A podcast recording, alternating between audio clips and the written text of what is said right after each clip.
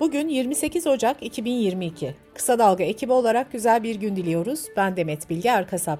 Gündemin önemli gelişmelerinden derleyerek hazırladığımız Kısa Dalga Bülten başlıyor. Cumhurbaşkanı Recep Tayyip Erdoğan önceki akşam NTV yayınında gündeme ilişkin açıklamalarda bulundu. Erdoğan geçtiğimiz günlerde yaptığı bir açıklamada Edirne cezaevinde bulunan eski HDP eş genel başkanı Selahattin Demirtaş'ı kastederek Edirne'deki en büyük hesabı İmralı'dakine verecek demişti. Cumhurbaşkanı bu sözleriyle ilgili NTV canlı yayınında şunları söyledi. Onu aslında Abdullah Öcalan'a sormak lazım. Öcalan'ın Demirtaş'ın mesajlarından rahatsız olduğu bir gerçek. Erdoğan, Sezen Aksu'nun şarkı sözleri nedeniyle hedefte olduğu sırada Adem Efendimiz'e uzanan dilleri yeri geldiğinde koparmak görevimizdir demişti. Erdoğan bu sözlerinin muhatabının ise Sezen Aksu olmadığını söyledi. Erdoğan, Cumhurbaşkanı hakaret suçuyla ilgili de şu yorumu yaptı. Cumhurbaşkanlarını hakaret etmek her ülkede suçtur. Bu suç cezasız kalmayacaktır. Bunun ifade özgürlüğüyle de bir alakası yoktur. CHP lideri Kemal Kılıçdaroğlu da Erdoğan'ın yayını başladığı sırada sosyal medyadan bir video paylaştı. Vatansever dediği bürokratlardan kendisine iletilen belgeyi açıklayan Kılıçdaroğlu şunları söyledi.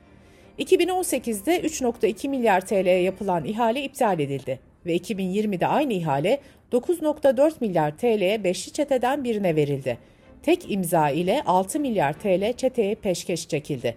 Saraydaki şahıs neye imza atıyor anladınız mı? Aradaki 6 milyarlık fark için.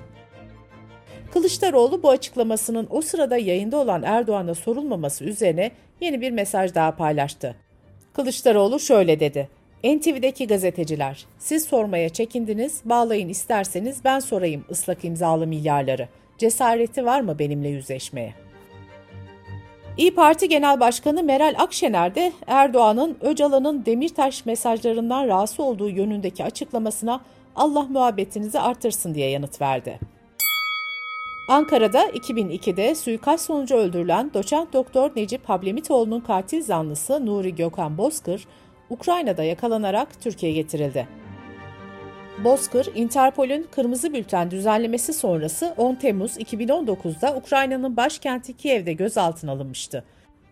3 ay cezaevinde kaldıktan sonra ev hapsine çıkarıldı.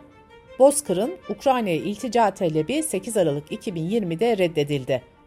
Aynı yıl 16 Aralık'ta Ukrayna Başsavcılığı Bozkır'ın Türkiye iadesine karar verdi. Ancak avukatı itiraz edince bu karar uygulanamadı. Daha sonra ortadan kaybolan Bozkır, MİT tarafından yakalanarak Türkiye getirildi. Hablemitoğlu ailesinin avukatı Ersan Barkın şu açıklamayı yaptı. Bu gelişmenin yıllar sonra suikastın aydınlatılmasına katkı sağlamasını önceki dönemlerde olduğu gibi yeniden rafa kaldırılmamasını umut ederiz.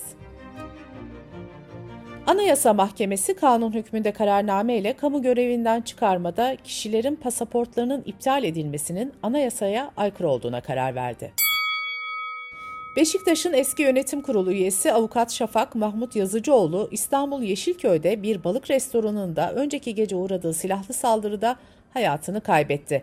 İstanbul Emniyetinden yapılan açıklamada olayla ilgili iki kişinin gözaltına alındığı, dört şüphelinin de arandığı belirtildi. Olayın bir mülk satışından kaynaklanan alacak verecek meselesi nedeniyle meydana geldiği öne sürüldü. Mahmut Yazıcıoğlu'nun olaydan önce eski kulüp başkanı Fikret Orman'la görüştüğü belirtildi. Orman, beni aradı, ABD'ye gitmeden önce gel bir yemek yiyelim dedi. Ben de o yüzden gitmiştim.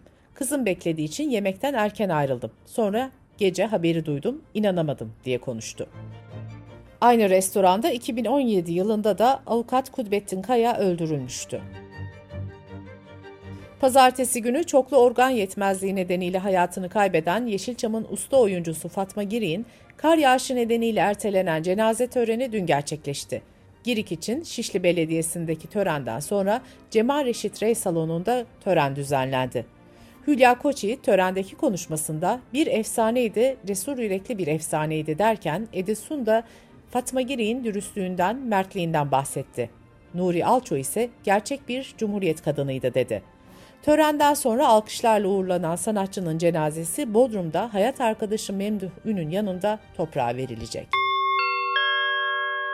Covid-19 gelişmeleriyle bültenimize devam ediyoruz. İlk omikron varyantı BA.1 önceki varyantlara kıyasla çok daha bulaşıcıydı. Şimdi de buna BA.2 adı verilen alt tür eklendi. Bu yeni virüs İngiltere'de yeni yılın ilk 10 gününde en az 400 kişiye bulaştı. Dünya çapında 40'tan fazla ülkede tespit edildi. Yeni alt tipin hızla yayılması ilk omikron varyantından daha bulaşıcı olabileceğini gösteriyor. Ancak BA.2 alt tipi ile ilgili analizler devam ediyor. Bilim Kurulu üyesi Profesör Doktor Alper Şener, alt varyantın salgının kontrolünü geciktirdiğini söyledi. Profesör Doktor Şener'in açıklaması şöyle: Bu varyantların aşıdan kaçabilme potansiyeli olduğuna dair çok ciddi kaygılar var. Hepimizi tedirgin etti. Türkiye'de de ikinci bir BA.2 piki görebiliriz. Bu durum maalesef filmi başa sarmak olacak. Amerika merkezli biyoteknoloji şirketi Moderna, omikron varyantına karşı geliştirilen aşının klinik araştırma sürecine geçildiğini duyurdu. BioNTech Pfizer da kendi aşısıyla ilgili aynı açıklamayı bir gün önce yapmıştı. Vaka sayılarının hala çok yüksek seyrettiği Avrupa'da korona önlemleri tek tek kaldırılmaya başlandı. Danimarka hükümeti tüm salgın tedbirlerinin 1 Şubat itibariyle devre dışı bırakılacağını açıkladı. Sağlık Bakanı bu adımın gerekçesini omikronun daha hafif seyretmesi ve ülke nüfusunun %60'dan fazlasının hatırlatma dozu yaptırması olarak açıkladı. Avusturya'da ise aşısızlar için haftalardır geçerli olan kısmi sokağa çıkma yasağı kaldırılacak. Önlemleri gevşeten bir diğer ülkede İngiltere oldu. Dün itibariyle ülkede artık maske takmak ve kalabalık etkinliklere girmek için aşı ya da PCR testi belgesi sunmak zorunlu değil.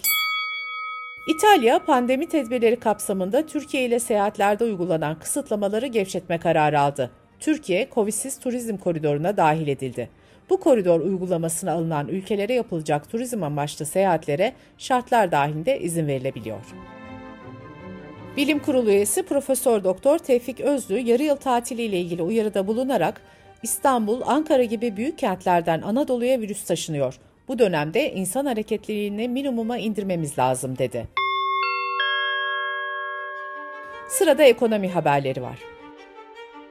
Yılın ilk enflasyon raporunu sunan Merkez Bankası Başkanı Şahap Kavcıoğlu, yıl sonu enflasyon hedefini 11.4 puan yükselterek %23.2 olarak açıkladı.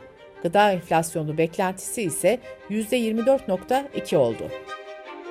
Hazine ve Maliye Bakanı Nurettin Nebati, enflasyonun bir süre %40 civarında seyredeceğini, yıl sonunda baz etkisiyle %30'un altına düşeceğini savundu.